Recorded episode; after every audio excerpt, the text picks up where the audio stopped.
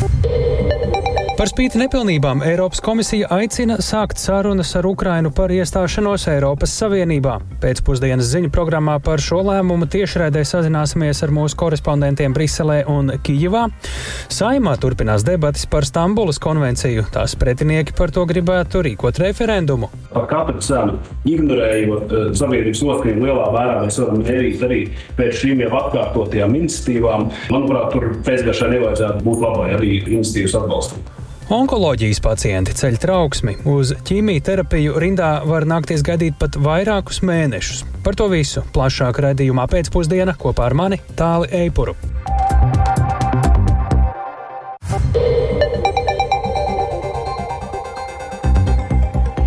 Pūkstens rāda 16 un 5, un 5 minūtes, skan pēcpusdienas ziņu programma, skaidrojot šodienas svarīgus notikumus studijā. Tālis Eipurs, labdien! Eiropas komisija rosina sākt iestāšanās sarunas Eiropas Savienībā ar Ukrainu un Moldovu. Savukārt ar Bosniju un Hercegovinu iestāšanās sarunas varētu sākt pēc vairāku reformu veikšanas. Grūzija Tai tiek ieteikts piešķirt kandidātu valsts statusu, jo vairums tās iedzīvotāju vēlas pievienoties Eiropas Savienībai. Arī Tbilisi vēl jāveic vairākas reformas, lai saņemtu šo statusu. Tā ir lēmusi Eiropas komisija. Tomēr galīgo lēmumu par šiem jautājumiem vēl ir jāpieņem dalību valstu līderiem decembrī gaidāmajā samitā. Ko nozīmē šīs Vēsturiskais lēmums, to mums ir gatavs pastāstīt mūsu korespondents Arčuns Konohaus tieši radē no Brīseles.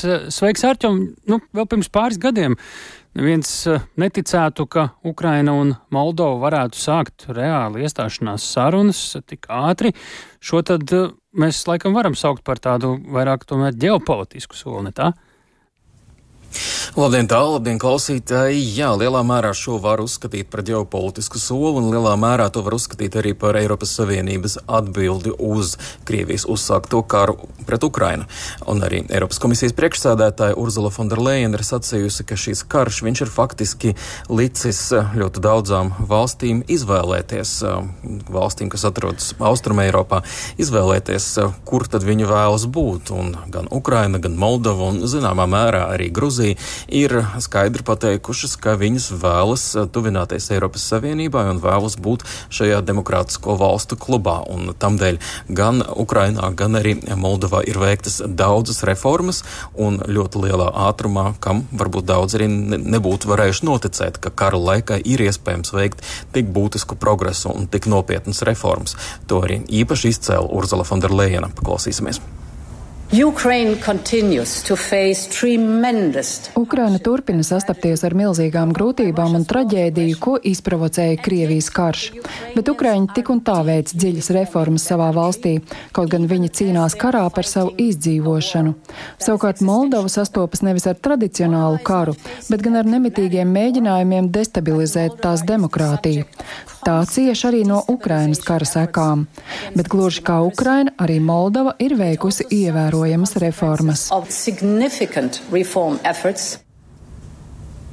Tad reformas ir būtiskas, bet vairākas lietas vēl ir jāpaveic, un par to komisija ziņos pavasarī par šo progresu. Un jāsaka, ka no kulāra informācijas zināms, ka vislielākās diskusijas bija par to, ko darīt ar Bosniju un Hercegovinu, un beigu beigās arī viņiem tātad ir ieteikts tomēr ar viņiem uzsākt iestāšanās sarunas, bet arī viņiem ir vairāki soļi vēl jāizpild, un tur arī ir savi priekšnosacījumi, lai to varētu paveikt. Tāli.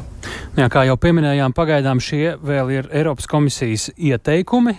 Gala lēmums ir jāpieņem Eiropas Savienības līderiem decembrī. Vai viņi varētu dot zaļo gaismu visām šīm valstīm vai vīzu šim lēmumam, ko ir pieņēmusi vai ieteikumiem Eiropas komisija, arī īpaši jau par Ukrainu runājot, jo mēs zinām, ka ir tādas dalībvalstis kā Ungārija, varbūt arī Slovākija. Tik tiešām, un tas ir arī vislielākais jautājums, ko īsti vēlas Ungārija un ko vēlas Slovākija, un kādi būtu tie priekšnosacījumi, kādus viņi varētu izvirzīt, lai atbalstītu Ukrainas, Moldovas un arī pārējo valstu tālāko virzību. Mēs zinām, ka iespējams Viktoram Orbānam, Ungārijas premjeram, būs paprātam tas, ka Gruzija ir saņēmusi šo kandidātu valsts statusu, ja, kas ir uh, iepriekšējais solis pirms sarunu uzsākšanas, jo viņš par to ir tāpat uh, iestājies ļoti aktīvi vēl pavisam nesen samitā Granadā par to ir runājis. Uh, iespējams, būs arī vēl kaut kādas uh, lietas, bet tomēr kopumā ir sagaidāms, ka Eiropas Savienība un Eiropas Savienības valstu līderi vēlēsies sūtīt pozitīvu signālu, kas tiešām ir tāds politisks un ģeopolitisks signāls, ka šajā laikā Eiropas Savienībai ir būtiskas šīs valstis, tādas valstis kā Ukraina un arī Moldova. Jā, Arčom, nu, Ukrainas politiķi ir sacījuši, ka vēlas iestāties blokā dažu gadu laikā. Es pieļauju, ka tas gan varētu nenotikt tik ātri, kā lēmums bija sākt sarunas. Tavuprāt, cik tas reāli, ka pēc dažiem gadiem Ukraina varētu būt Eiropas Savienībā? Es teiktu, ka tas tomēr ir ļoti maz ticams. Un eh, te ir gan reformas Ukrainā, tā ir milzīga valsts ar ļoti daudziem izaicinājumiem, kas, protams, arī šobrīd karo, eh, gan arī, protams, tas, kam Eiropas Savienība pati ir gatava. Un Eiropā vēl ir jāveic vairākas reformas un jāmēģina tomēr saprast, kā tā varētu efektīvāk darboties tad, kad tajā būs vēl vairāk valstu. Un tiek runāts par 2030. gadu kā tādu termiņu, kad Eiropas Savienībai jābūt gatavai, lai uzņemtu tādu valsti kā Ukraina, bet arī šeit nav nekādas pārliecības, un arī Eiropas komisija īsti nevēlas šobrīd saukt kaut kādus termiņus, kad tas viss varētu notikt. Visticamāk, ka tas tomēr būs ilgāks process nekā daži gadi vien. Paldies, Stārķams Konhaus tiešraidē no Briseles dienā, kad Eiropas komisija ir rosinājusi sākt iestāšanās sarunas Eiropas Savienībā ar Ukrainu un Moldovu, bet eh, tik tālu skats no Briseles, kāds tas ir no Kīivas. Vēsturisks ziņojums. Tā Ukrainā vērtē Eiropas komisijas novērtējumu par Ukrainas progresu virzībā uz iestāšanos Eiropas Savienībā. Vairāk par to, kā Ukrainā uzņemts Eiropas komisijas novērtējums, esam sazinājušies ar Latvijas radio korespondenti Ukrainā Indru Sprānci. Sveiki, Indra! Ar kādām sajūtām, secinājumiem Ukrainā ir sagaidīts Eiropas komisijas novērtējums, kā var ar Ukrainu sākt iestāšanās sarunas? Labdien! Jā, Ukrainā šis Eiropas komisijas ziņojums sagaidīts ar atvieglojumu un prieku, kā šodien intervijā vietējām telemaratonam paziņoja Ukrainas premjerministra vietniece Eiropas un Eiroatlantiskās integrācijas jautājumos Olha Stefanišina. Eiropas komisijas novērtējums ir pat labāks nekā cerēts, un Ukraiņiem ir izdevies panākt, ka Eiropas Savienības institūcijas ieklausās viņu argumentos un ņem vērā novērtējot padarīto, jo tas, ko Ukraina ir paveikusi ļoti īsā laikā, brīžiem patiešām ļoti smagos kara apstākļos, ir nu, milzīgs darbs, un Ukraina ir spējusi sprinteru cienīgos tempos veikt daudz likumu izmaiņas, lai virknē jomu pielāgotos Eiropas Savienības prasībām, bet, protams, daudz darāmā vēl ir priekšā, taču arī uz at attiecībā uz atlikušo Ukrainu neplāno vilcināties. Un paklausīsimies Ukrainas premjerministra vietnieces Eiropas un Eiroatlantiskās integrācijas jautājumos Olhas Stefanišinas šodien sacīto īsi pēc Eiropas komisijas lēmumu publiskošanas. Cik ātri būs iespējams tikt uz priekšu, tik ātri Ukraina arī strādās, un mēs jau šodien ar savu darbu esam parādījuši, ka neskatoties uz apšaudēm, gaismas, interneta trūkumu vai okupāciju, tas mums netraucē doties tālāk, jo tas ir tas, par ko mēs karojam - mūsu brīvība, neatkarība un visas Eiropas labklājība. Jā, pagājušā gadā pēc kandidātu valsts status, statusa saņemšanas Ukrainai bija izvirzīti septiņi ieteikumi. Tātad īstenot konstitucionālo un tiesu reformu, stiprināt cīņu korupcijas apkarošanā, veikt pasākumu kopumu naudas atmazgāšanas novēršanā, oligārhu varas mazināšanā, tāpat arī pielāgoties Eiropas izpratnē mēdīju regulācijas un mazākumtautību jautājumos. Ukraiņi ieskatā visi lielos vilcienos izpildīti, bet Eiropas komisija vēlāks lielā, vēlas lielāku progresu atsevišķos jautājumos tāli. Jā, Indra, kuras ir tās jomas, kuras Eiropas komisija uh, saskata, ka tas progress Ukrainā joprojām nav pietiekošs? Jā, nu, Eiropas komisija vēlas lielāku atbalstu korupcijas apkarotājiem Ukrainā. Ir jāpieņem likums par štata vienību palielināšanu Nacionālajā pretkorupcijas birojā, kā arī virkni labojumu, kas paplašina korupcijas apkarotāju iespējas rīkoties.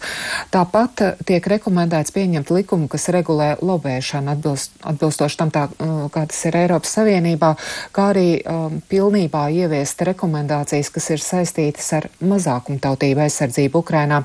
Un tieši šis pēdējais pēdējais ir diezgan smags un izaicinājumi pilns jautājums, jo Ukrainā arī ir ļoti daudz krievalodīgie un arī virkni izglītības iestāžu joprojām strādā daļēji arī krievu valodā. Un šobrīd Ukraina ir ņēmusi vērā Baltijas valstu piemēru attiecībā uz šo prasību izpildi.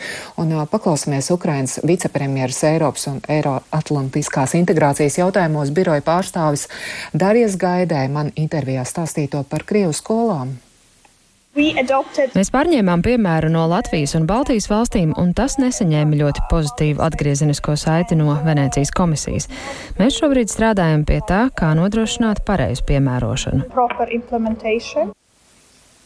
Jā, tātad šis process šobrīd pielāgojoties visām tā prasībām ir ļoti sarežģīts un noteikti būs sarežģīts, bet labā ziņa, visi šie uzdevumi ir jāpaveic nevis līdz decembrim, kad ir gaidāms svarīgais lēmums, bet līdz nākamā gada martam.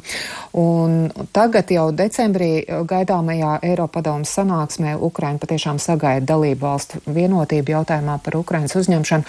Paklausīsimies prezidenta Volodimira Zelenska sacīto īsi pēc šodien šodienas lēmumu. Українці завжди були і є частиною. Ukraiņi vienmēr ir bijuši un ir daļa no mūsu Eiropas kopējās ģimenes. Mūsu valstī ir jābūt Eiropas Savienībā. Ukraiņi to ir pelnījuši gan aizstāvot Eiropas vērtības, gan to, ka pat pilna apmēra kara laikā mēs turam savu vārdu un attīstam valsts institūcijas. Visi nepieciešamie lēmumi tiek pieņemti. Visi neobhīdņi rišņā ухвалюємо. Jā, un vēl ir uh, ļoti zīmīgi, ka šoruden aprit desmit gadi kopš 2013. gada novembrī tūkstošiem Ukraiņu izgāja ielās, iebilstot pret tā brīža valdības lēmumu neparakstīt asociācijas līgumu ar Eiropas Savienību, un turpmākajos mēnešos uh, tas izvērtās nāvīgās sadursmēs starp uh, demonstrantiem un tiesību sargiem. Tad desmitiem cilvēku atdeva savas dzīvības par to, lai valsts virzītos Eiropas virzienā, un šodienas un arī decembrī ļoti gaidītais lēmums Ukrainai ir ļoti svarīgs un patiešām ilgi gaidīts. Tālāk. Jā, paldies, Indri. Tātad 21. novembris pavisam drīz ir diena, kad aprit tieši desmit gadi kopš sākās eh, pirmie protesti pret uh, tā laika prezidenta Jankoviča lēmumiem tieši attiecībā arī uz Eiropas Savienību. Paldies Indrai Sprancei tiešraidē no Kīivas tātad šodien atgādinām, Eiropas komisija ierosinājusi sākt iestāšanās sarunas Eiropas Savienībā ar Ukrainu, bet tas, kas notiek Ukrainā, atstāja arī ļoti būtiski ietekmi uz to, kas notiek Latvijā un arī uz viss parastāko ikdienu. Lai runātu par apzinātiem un atbildīgiem pirkumiem, ņemot vērā Krievijas iebrukumu Ukrainā, šodien diskusijā ētiskas patēriņa izvēles, nauda vai sirdsapziņa, eksperti sprieda par to, vai nu kā iedzīvotāji seko līdzi tam, kādus uzņēmumus atbalsta, pērkot preces vai pakalpojumus. Ar šo diskusiju arī atklāt ziedojumu kampaņu Ukrainas atbalstam, bet kā tad veikt apzinātus un atbildīgus pirkumus? Par to kolēģi Agnīlās Diņa uzklausīja gan ekspertus, gan iedzīvotājus.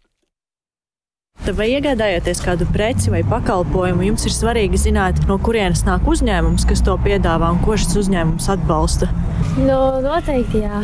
Varbūt materiāli, no kā viņi veido, jo tas beigās arī veido to kvalitāti. Piemēram, kā kažoku ražotāji. Nu, ja tas būtu vardarbīgi priekš kaut kādiem dzīvniekiem, tad arī noteikti nē. Es to skatos. Man ir arī ļoti svarīgi, pieņemsim, pārtikas produktiem vairāk, lai viņi būtu bioloģiski. Es teiktu, ka jā, tas ir svarīgi, no kurienes nāk. Kādā mērā, jā. Nu, teiksim tā, nu, lai tie materiāli būtu lietotājiem droši jau pirmkārt. Vai sākoties Krievijas iebrukumam Ukrainā, jūs uh, iegādājaties preces vai pakalpojumus, kas nāk no Krievijas? Nu, šīs lietas pamatā jau ir izvāktas no tirgus. Tad tur jau ir spēc jāmeklē. Nu, nē, nē. Tā apzināti nē. Apzināti nē. Apmēram ir skaidrs, ko kurā valstī ražo, bet nu, tā īpaši neskatos. Iedzīvotāji ikdienā, pieņemot lēmumus par preču un pakalpojumu iegādi, ar savām izvēlēm atbalsta dažādus uzņēmumus. Tostarp, izvēloties preces un pakalpojumus no uzņēmumiem, kas ir saistīti ar Krieviju vai atbalsta Krievijas agresiju Ukrainā, faktiski tiek finansēts karš. Tā uzsver diskusijā. Kā norāda sociāla antropologs Klaus Sedlinieks, ja kādreiz bija iespējams nodalīt biznesu vai naudu no morāles, tad pēdējā desmitgadē jau pieņem, ka šīs lietas nemaz tik ļoti norobežot citu no citas nevar. Cilvēki ar saviem maciņiem var izdarīt izvēli, vai nu mēs atbalstīsim to, vai nu mēs neatbalstīsim to. Tagad mēs runājam ļoti daudz par korporatīvo sociālo atbildību, ka ir parādījusies tas uzskats, ka mēs vairs nevaram vienkārši taisīt biznesu tādā veidā, kā biznesa biznesam. Ja? Te mēs runāsim tikai par naudu, un tur, kur mums ir lētāk, kur mums ir izdevīgāk, nu, ko tad mēs tur skatīsimies, no kurienes nāk. Nē, nu, mums ir jādomā par savu vārdu. Šis uzskats pamazām ir aizgājis kā otrā plānā. Līdzīgi izsakās arī labdarības organizācijas Ziedot LV vadītāja Rūta Dimanta, piebilstot, ka tā ir arī valsts atbildība - rādīt piemēru sabiedrībai un pirmajai veikt ētiskas patēriņa izvēles. Viens ir nostāties Ukrainas pusē un noziedot 5, 10 eiro miljonu, bet otrs ir turpināt sadarboties ar pāridarītāju, ar agresoru. Vai tīši vai netīši mēs kā sabiedrība to darām. Tātad finansiāli stiprinot agresoru. Tāpēc ir ļoti svarīgi par to runāt. Ir svarīgi, ka valsts eh, pārvalde nosaka stingrus nosacījumus, palīdz mums kā sabiedrībai veikt šīs ētiski pareizās izvēles un nesadarbojas kā valsts ar Krieviju. Lai varētu veikt apzinātus un atbildīgus pirkumus, svarīgi ir ne tikai būt informētam pašam, bet arī informēt citus cilvēkus gan par precēm, gan pakalpojumiem. Turpina Rūta Dimanta. Ja jūs esat kādam līderis, autoritāte, tad ejiet pie tā cilvēka un mēģiniet pārliecināt par šīm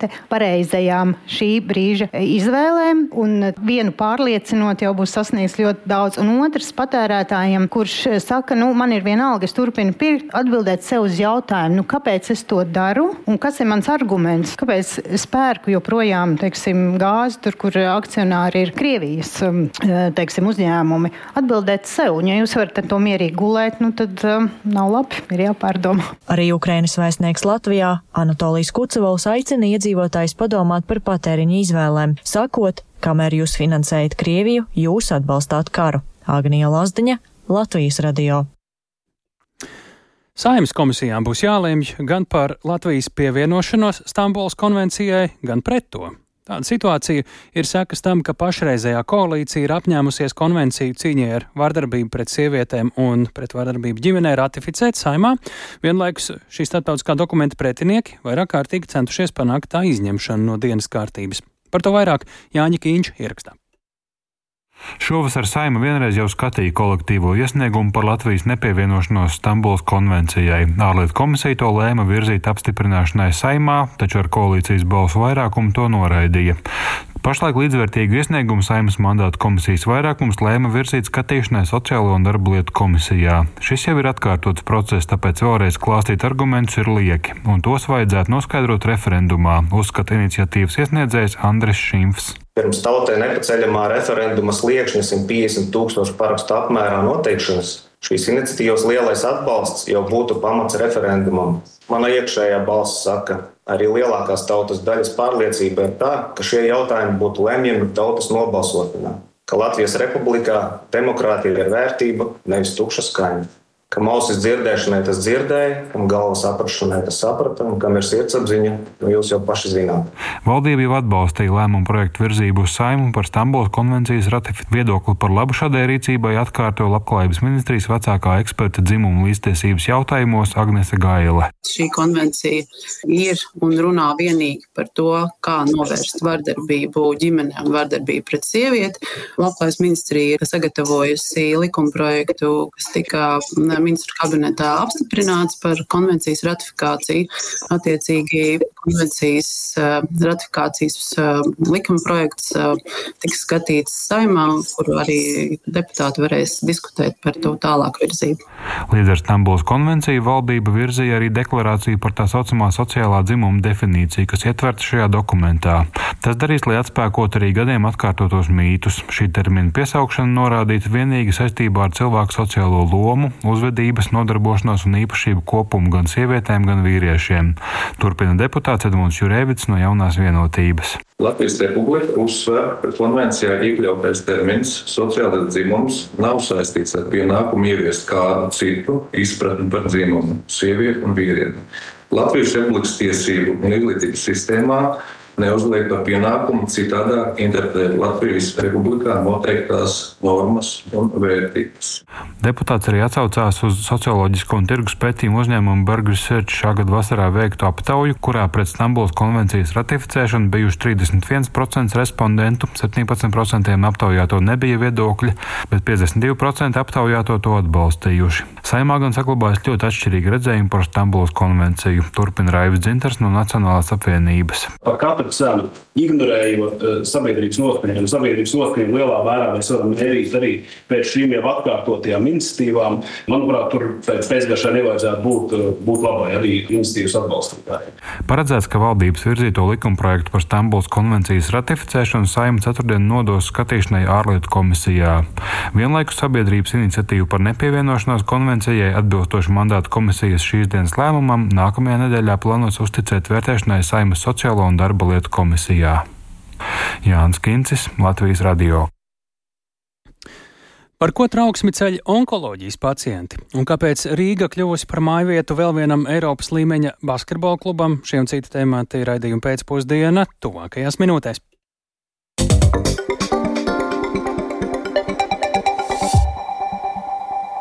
Trauksim par to, ka Reizeknē mērķa dotācija pedagoģu atalgojumam ir pretrunā ar valdības noteikto un pasliktina Reizeknes pedagoģu apstākļus pirms nedēļas cēla Latvijas izglītības darbinieku arotbiedrība. Jautājuma risināšanā iesaistījās gan valsts darba inspekcija, gan par izglītību un pašvaldībām atbildīgās ministrijas.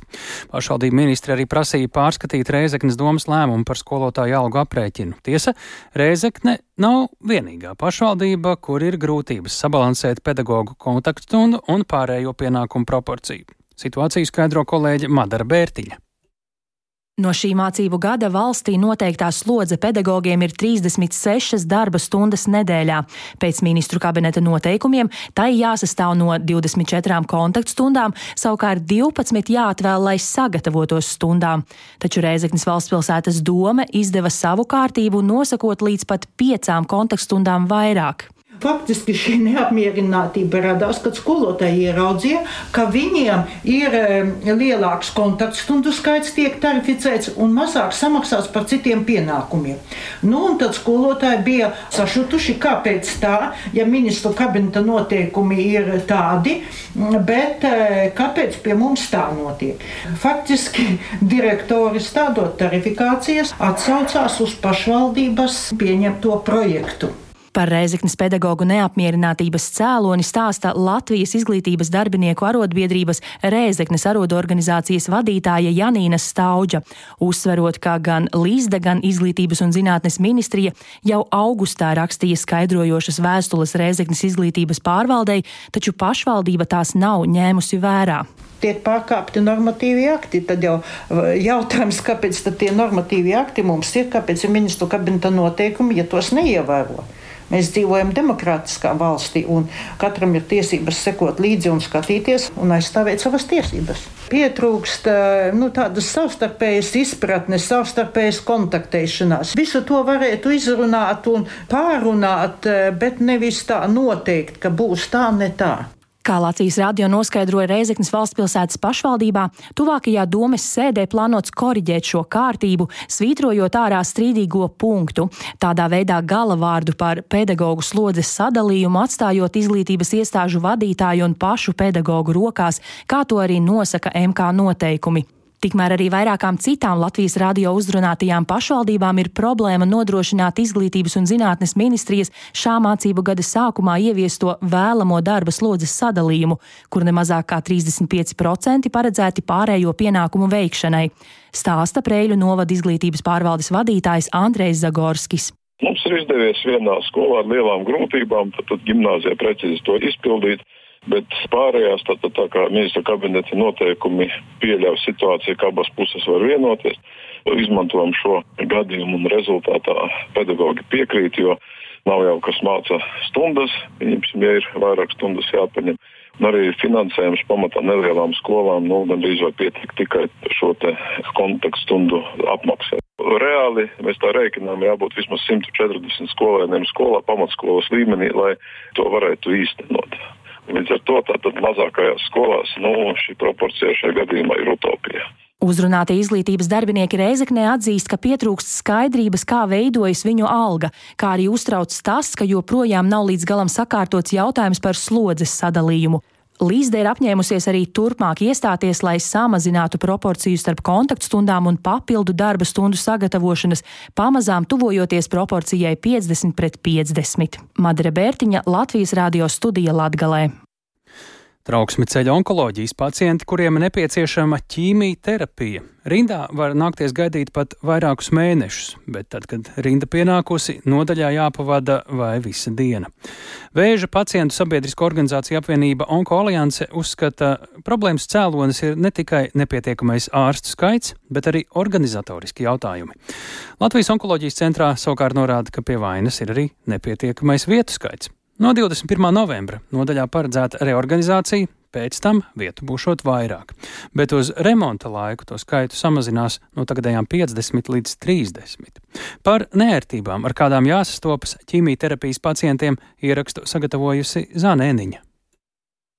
Garās rindas uz ķīmijterapiju esot sen nerisināta un nesakārtota problēma, kas pēdējās dienās atkal kļuvusi aktuāla, apliecina Onko alianses valdes priekšsēdētāja Olga Valciņa.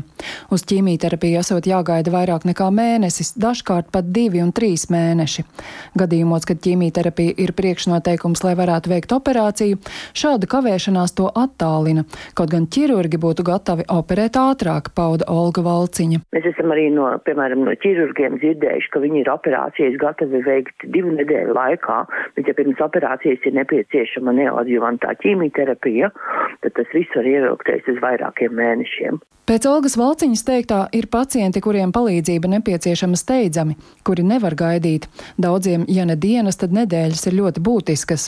Taču rindas esot tikai viena problēmas daļa, ar ko vēl nākas saskarties vēža pacientiem, kuriem nepieciešama ķīmijterapija, stāsta Olga Valciņa. Mums ir vairāki pacienti, kuri atzīst, ka visu aktīvo ķīmijterapijas laiku, katru vizīti pie ārsta ir gājuši par maksu.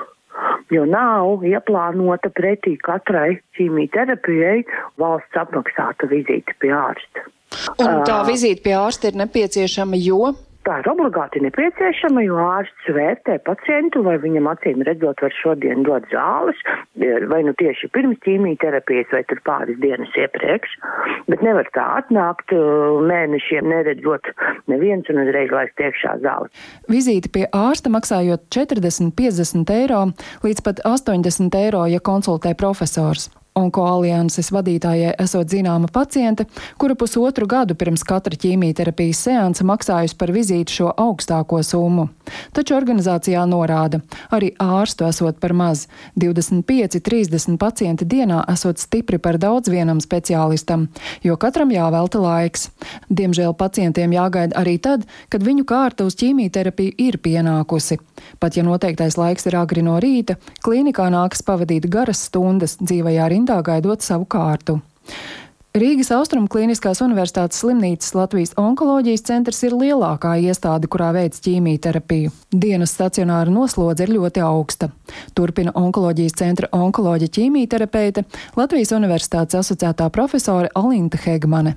Tīri intravenozās procedūras dienā ir vidēji vairāk kā 70, kā kurā dienā, citā dienā 65, citā dienā 85, mums ir bijušas dienas, kad ir līdz 100 procedūrām, bet tam vēl papildus ir jārēķina šīs ambulatorās injekcijas, kas vēl ir katru dienu kaut kādas 15, 20. Tā kā tas pacients skaits, kas uh, saņem terapiju dienas stacionārā ir liels.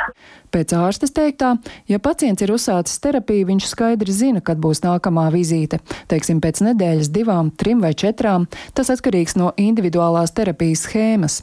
Pirms terapija tiek uzsākta, uz vietu stacionārā jāgaida divi mēneši, un tas ir daudz, atzina Alinta Hegmane, un skaidroja, ka tas saistīts ar vietu trūkumu, kuru skaits uz laiku saruks vēl vairāk. Ķīmijterapiju saņem, nu tā kā guļkrēslos, bija 50, ir plānota rekonstrukcija un ķīmijterapijas dienas stacionāras rekonstrukcijas laikā turpinās strādāt, bet šeit ir jāapzinās, ka vietu skaits no 50 samazināsies uz 30, lai pēc rekonstrukcijas palielinātos uz 69. Vietu skaits tiks samazināts no 21. novembra. Remonts plānots līdz janvāra beigām. Šajā laikā pacientu skaitu nesot plānots samazināt, bet gan tikšot pagarināta darba diena. Savukārt Paula Stradiņa Kliniskās universitātes slimnīcas onkoloģijas klīnikas vadītāja Aija Geriņa Bērziņa informēja, ka šajā iestādē rindā uz ķīmijterapiju jāgaida aptuveni mēnesis, bet pacienti, kuriem ķīmijterapija nepieciešama pirms ķirurģiskas operācijas vai pēc tās, tiek prioritizēti, proti nodrošinot ātrāku piekļuvi. Zana Eniņa, Latvijas radio. Bet, nu, vēl par kādu, kā daudz saka, slimību. Un arī risinājumu. Šodien aprit 35 gadi kopš Latvijā notika pirmā anonīmo alkoholiķu sapulce. Tāpēc šo sēsdienu, 11. novembrī, notiks svētku pasākums. Arī svinību laikā tiks ievēroti šīs kustības principi. No pirmās sapulces, kurā piedalījās divi biedri, anonīmajiem alkoholiķiem, šobrīd Latvijā ir jau vairāk nekā 50 grupu. Visā pasaulē šī kustība palīdzējusi miljoniem cilvēku rast risinājumu savai alkoholisma slimībai un problēmai jau kopš 1935. gada. Anonīma alkoholiķa pilnvarotais un teologs Kaspars Simenovičs pie raidījuma pēcpusdienu klausulis. Labdien! Sveicināti! Divos vārdos, ko nozīmē pilnvarotais, tāpēc, ka viņi paši publiski nerunā šie cilvēki, tā? Nu, pirmkārt, jau viņus pašus saista šī anonimitātes tradīcija, un tiešām uh, atgādinot to, ka šie garīgie principi, pēc kuriem vadās anonīmie alkoholiķi, ir svarīgāki par personībām. Un turklāt arī, protams, ir labi zināma tāda sociālā stigma sabiedrībā iepratīm dažādām atkarībām, tajā skaitā alkoholam. Un anonimitāte šajā gadījumā ir ļoti svarīgs instruments, kas palīdz cilvēkiem, kuriem ir šī problēma, šī slimība, pārvarēt varbūt tās iekšējās bailes vai bažas un meklēt palīdzību, Jā. ja viņi zina, ka tā vide ir anonīma. Nu, un savukārt pilnvarotais vai pilnvarotie šajā gadījumā no vienas puses A klases, respektīvi nealkoholiķu klases pilnvarotais, var pārstāvēt uh, anonīmos alkoholiķus publiskā vidē, bet pilnvarotie citu starpā ir nu, savu veidu tādi nu, kalpotāji vai mm, pilda labi. tos uzdevumus, kas ir sabiedrības sadraudzībai kopumā. Atgādiniet klausītājiem arī dažos vārdos, kā darbojas viena tāda anonīma alkoholiķu grupa darbojas pēc ļoti vienkārša principa. Ja ir vismaz divi cilvēki, kā jau mēs dzirdējām, arī Latvijas gadījumā vēsturiski tas tā bija, ka sanāca kopā divi cilvēki. Arī vēsturiski Amerikā anonīmi alkoholiķi izveidojās no diviem cilvēkiem, kuri nosprieda, ka viņi grib palīdzēt viens otram tikt galā ar šo problēmu. Sanāk kopā divi cilvēki, iet cauri 12 soļu programmai. Tā ir vesela tāda garīga sistēma, 12 soļu programma, 12 soļu tradīcija, dalās savā pieredzē. Uh, un iedrošina viens otru dienu dienā šos garīgos soļus, šos garīgos principus iet un ievērot, un tādējādi nu, palīdz viens otram šo skaidrības ceļā, šajā skaidrības ceļā noturēties. -hmm.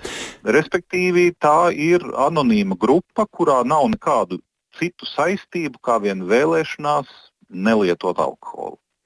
Kāpēc anonīmiem alkoholiķiem ir, lai arī Viņi ir anonīmi, svarīgi par sevi atgādināt sabiedrībai, līdzīgi kā tagad, kad aprit 35 gadi kopš Latvijā notika šī pirmā sapulce. 11. novembrī būs svētku pasākums. Kāpēc šai kopienai tas ir svarīgi būt pietiekami arī dzirdamiem?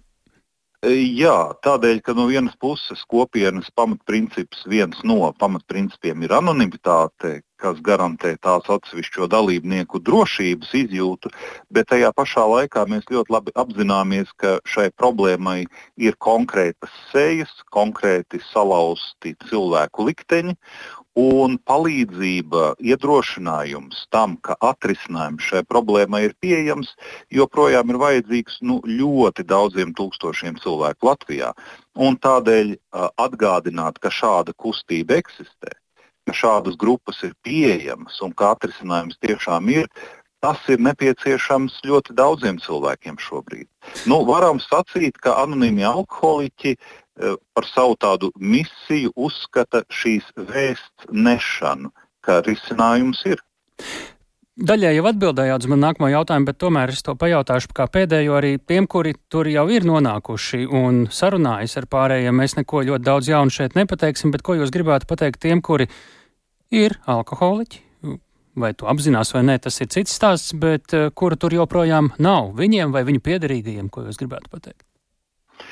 Uh, viņu piedarīgajiem es noteikti sacītu, ka nav vērts šos cilvēkus, kuri sirgst ar alkohola problēmām, nav vērts viņus lamāt, izglītot uh, vai kā citādi motivēt. Uh, viņus var nomotivēt tikai pati dzīve tad, kad viņi paši nonāks pie sava tāda iekšēja atstiena punkta. Savukārt tiem, kuriem ir šīs problēmas un kuri nezin, ko ar to visu iesākt, es gribu dot šo cerību, ka atrisinājums patiešām ir, un tā saucās arī šī jubilejas eh, virstēma. Atrisinājums ir, un agri vai vēlu ik viens no šiem cilvēkiem var uzdrošināties, paskatīties un pats pamēģināt, vai tā tiešām ir vai nav, un pārliecināties par to. Kur atrast uh, vairāk informācijas par to, kas kur kad notiks 11. novembrī, saprotu, Ziemeļblāzā? Uh, pavisam noteikti var meklēt AA mājaslapā, tātad aa.org.lv, Tur ir par pašu anonīmu alkoholiķu sadraudzību un tā skaitā arī par šo jubilejas pasākumu. Lielas paldies par sarunu. Ļoti vērtīgi. Kaspars Simonovičs, anonīmo alkoholiķu pilnvarotais teologs, redzījumā pēcpusdiena. Bet Rīga ir kļuvusi par māju vietu vēl vienam Eiropas līmeņa basketbola klubam. Sporta līdzstājiem ir labi zināms, ka jau otro sezonu Latvijas galvaspilsētā bāzējas Ukrainas spēcīgākais basketbola klubs Slobožānskis Prometei, taču nu tapis skaidrs, ka šo sezonu FIBA Champions League mājas spēles kara dēļ, diemžēl arī kara dēļ, Rīgā aizvedīs arī viena no spēcīgākajām Izraēlas komandām Holonas Hapoel. Par to, kādēļ Izraels klubs eh, par savu bāzes vietu mājas spēlēm ir izvēlējies tieši Rīgu un kādi apstākļi šeit sagaida komandu, vairāk mums ir gatavs pastāstīt kolēģis Reinis Grunspēņš. Sveiks, Reini! Nu, Izrēlā lielais sports ir apstājies, un uh, vietējais basketbola čempionāts, uh, acīm redzot, tā skaitā, un tas nozīmē arī automātiski startautiskie mači. Nu, kā tad tas Holandas Hapela klubs šādā brīdī nonāca līdz izvēlei par labu tieši Latvijai, nevis kādām citām vietām? Viņi paši tā kā Latviju uzrunājuši. Ja? Sveiks, tāls, sveicināt klausītāji. Nu, jā, apusēji sadarbība. Mm -hmm. nu, sākotnēji Hapoel vēlējās mājas spēles aizvadīt Atēnu AEK arēnā Grieķijā, taču Grieķijas puse nespēja sniegt drošības garantijas. Līdz ar to bija jāmeklē cits variants. Kā norādīja Latvijas Basketbola Savienības ģenerālsekretārs Kaspars Ciprus, tieši tādēļ, ka uz Rīgu jau veiksmīgi ir pārcēlusies tevis minētā Prometēja komanda un starp Latvijas un Ukrainas basketbola federācijām ir izveidojusies laba sadarbība. Tad Latvija arī izteica aicinājumu Izraēlas basketbola federācijai, ja gadījumā ir nepieciešamība palīdzēt. Ciprus arī sacīja, ka Hapoel nebija vienīgā Izraēlas komanda, kas izskatījusi variantu pārcelties uz Latviju.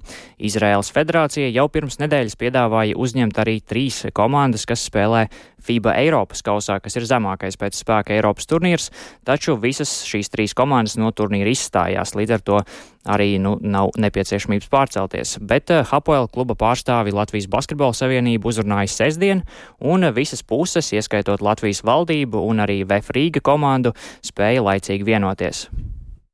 Nu, es domāju, ka noteikti, ja gadījumā nu, mēs arī saprotam, ka Hapoels klubs ir ļoti, ļoti spēcīgs. Un, ja gadījumā kas, tad, protams, mēs piedāvāsim iespēju viņiem palikt Latvijā, nu, vai viņi izvēlēsies, nu, tad tā, tā skatīsimies. Man šobrīd grūti ir pateikt, šobrīd ir vienošanās par trīs spēlēm. Šobrīd ir paša Izraels kluba izdzīvošanas jautājums, un par šo tik tiešām vēl netiek domāts. Galvenais, lai klubs spēlē, klubam palīdzēt, kā es minēju, vienkārši izdzīvot tālāk jau skatīsimies, kas un kā. Tālūk Kaspars Ciprus, Latvijas Basketbola Savienības ģenerālsekretārs, bet, eh, ja runā par Hapoelu spēlētāju ikdienu un to, vai komanda šeit uzturēsies pastāvīgi, eh, nu, šeit pagaidām eh, skaidrība nav līdz galam, un arī Basketbola Savienība, Basketbola Savienības ģenerālsekretārs Kaspars Ciprus teica, ka joprojām tiek palīdzēts Izraels klubam risināt sadzīves jautājumus Lai gan vietējais čempionāts Izrēlā šobrīd pēc uh, tikai vienas aizvadītas spēles ir pārtraukts, uh, taču Holandas Hapoela atšķirībā no Prometēja komandas nepiedalīsies Latvijas-Igaunijas līgā, līdz ar to pagaidām vienošanās ir tikai par trim čempionu līgas spēlēm, kas notiks pusotra mēneša laikā. Tāli? Jā, nu, kas būs Izraels kluba pretinieku čempionu līgas spēlēs, ja citiem vārdiem iztulkojot, kādas Eiropas lielkomandas varbūt mēs varētu šeit vietējie basketbola līdzstēji klātienē Rīgā arī ieraudzīt? Jā, nu, Holandas Apoel šosezon spēlē vienā grupā ar Spānijas klubu Lugo Rio Breogan, Vācijas komandu Bonnas Telekom, kas ir uh, pagājušās sezonas čempionu līgas uzvarētāja, kā arī Turcijas komandu Bursaspor. Uh, nu, visas trīs ir diezgan spēcīgas, labi zināmas arī Eiropas līmenī, un visas spēles notiks arēnā Rīga, un pirmā no tām paredzēta jau pēc nedēļas 15. Uh, novembrī pret Rio Breogan no Spānijas. Tik ātri tas viss jau saorganizēts. Lielas paldies Rēnim Grunspēņķim! Mēs uh, sakām arī paldies, ka klausījāties raidījumu pēcpusdienu. To veidoja Tālis Eipurs, Lauris Zvejnieks, arī Ulds Grīmbergs un Katrīna Bramberga. Klausieties raidījumu pēcpusdienu arī Latvijas radio mobilajā lietotnē, ja to vēlties darīt sev ērtā laikā. Mēs tiekamies rīt pēc ziņām 4 un 5.